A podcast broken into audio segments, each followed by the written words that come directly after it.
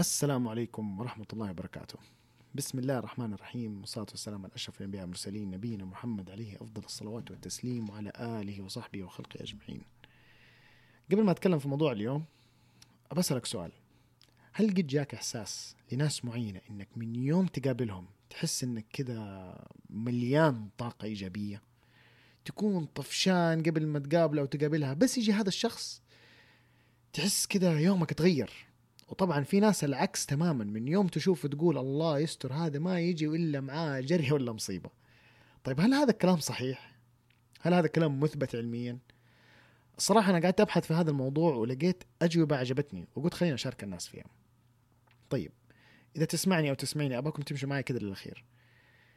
إحنا كلنا متفقين إنه الطاقة لها وجود وانواعها كثيرة كهربائية حرارية شمسية كيميائية واللستة طبعا ما تخلص. طيب هل في وجود للطاقة الإيجابية والطاقة السلبية؟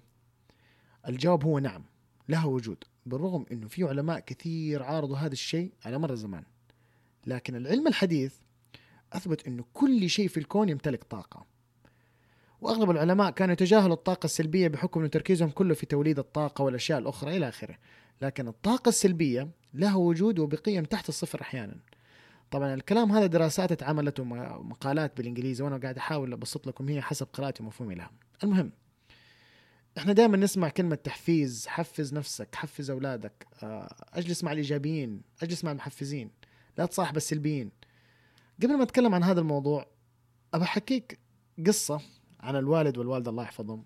والدي الغالي أتذكره كان دائما يقول لي يا ولدي صاحب الشطار تصير زيهم. كنت أقول يو أنا ناقص طفش في حياتي. ناس ما تتكلم إلا في سين تربيع وزوايا ومعادلات كيميائية وهروجهم كلها زي كذا. تقول لي يا ابويا لا تضغطني الله يرضى عليك. طبعا هذا التفكير من الطيش وقلة الخبرة في الحياة. هو كان خايف عليه لأني أنا كنت بصراحة احب الفلة ويعني كنت شقي.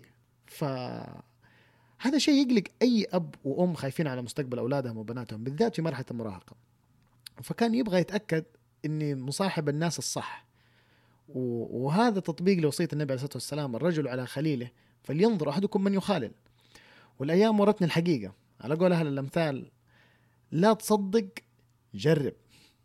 واكتشفت أنه هذه النصيحة تنطبق في كل مجالات الحياة وما هي بس للدراسة.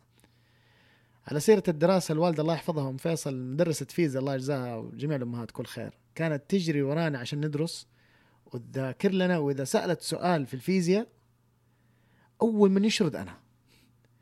كنت أخاف اجاوب غلط وتكون ليلة نكد علي عشان ما ذكرت. طبعا بفضل الله ثم دعوات والديه واجتهاد وتعب وسهر. دخلت كلية الطب الحمد لله وتخرجنا. والله وأقولها لكل من يسمعني من شباب وبنات. صدقني صدقيني مهما وصلتوا من نجاح وتوفيق أصحكم تفكروا إنه أبوك وأمك ما كانوا سبب. دعوة في نص الليل تستجاب. وانت ما انت داري فين الله حاطك. نايم في العسل. يمين بالله تغير دنيتك 180 درجة. لا تنساهم الله يحفظهم ويحفظ أهليكم ويرحم الأموات. منهم وجميع المسلمين يا رب العالمين. أنا كان لازم أوقف هذه الوقفة عن الوالدين وطبعا مهما تكلمت ما حقدر أوفي قدرهم في حلقة واحدة. طيب نرجع لموضوع الطاقة. أباك توقف أو توقف الحلقة وتجيب ورقة وقلم أو تفتح النوتة في جوالك لابتوب اللي يريحك وتعال تاني. أباك تكتب أربع نصائح لجذب الطاقة الإيجابية وطرد الطاقة السلبية.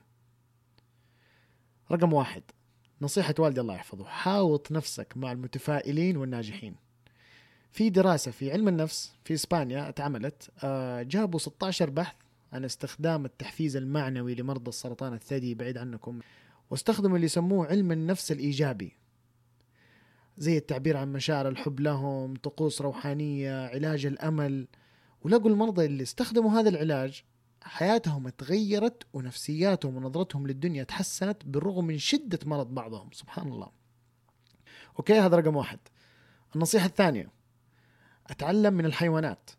سبحان الله الحيوانات تمتلك طاقة إيجابية.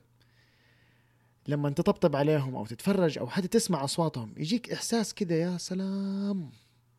أتذكر جدتي الله يرحمها أم الوالد كانت لما نحن نزعلها من أولادها ويبي يرضيها يجيب لها عصفورين كناري. تنبسط. هذا الإحساس طيب لك. كتر منه. ينفع ما يضر.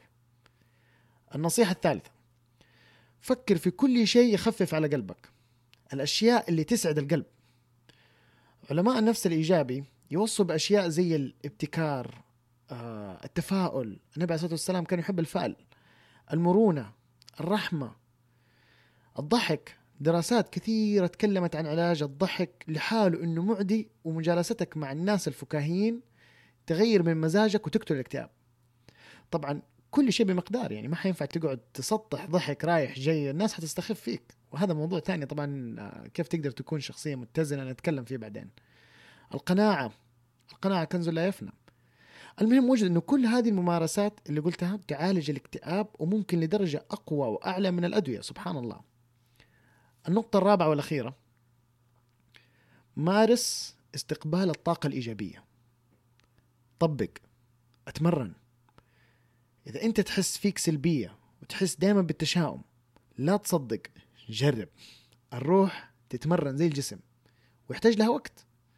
بعد فترة حتلاقي نفسك بتتغير وأنت ما أنت داري.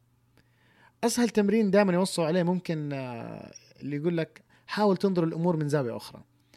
كثير من الناس تخش في مشادات ومشاحنات ولو كل واحد طالع في كاميرا الطرف الآخر إيش يشوف؟ حيلاقي إنه معاه وجهة نظر صحيحة وكان ممكن تنحل مشاكل. يا كثرة. إذا تسمعني أو تسمعيني. أباكم كذا تاخذوا نفس عميق وتاخذ أول خطوة من نفسك.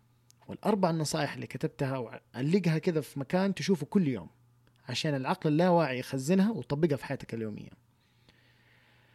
أتمنى يكون موضوع اليوم عجبكم واستفدتوا واستمتعتوا وإذا عجبتكم حلقة اليوم لا تنسوا تشتركوا في القناة وتنشروا الحلقة لأحبابكم وأصحابكم وتكتبوا لي آرائكم أو تبعتوا لي مسجات صوتية عن طريق ال link الموجود في ال description إذا في شخصيات معينة تبون أتكلم عنها أو أستضيفها يعني تقدروا ترسلوا لي. آه، دعمكم لي حيساعد نشر البرنامج ونفيد أكبر عدد ممكن. سبحانك اللهم وبحمدك أشهد أن لا إله إلا أنت أستغفرك وأتوب إليك. نتقابل في موضوع جديد إن شاء الله. في أمان الله.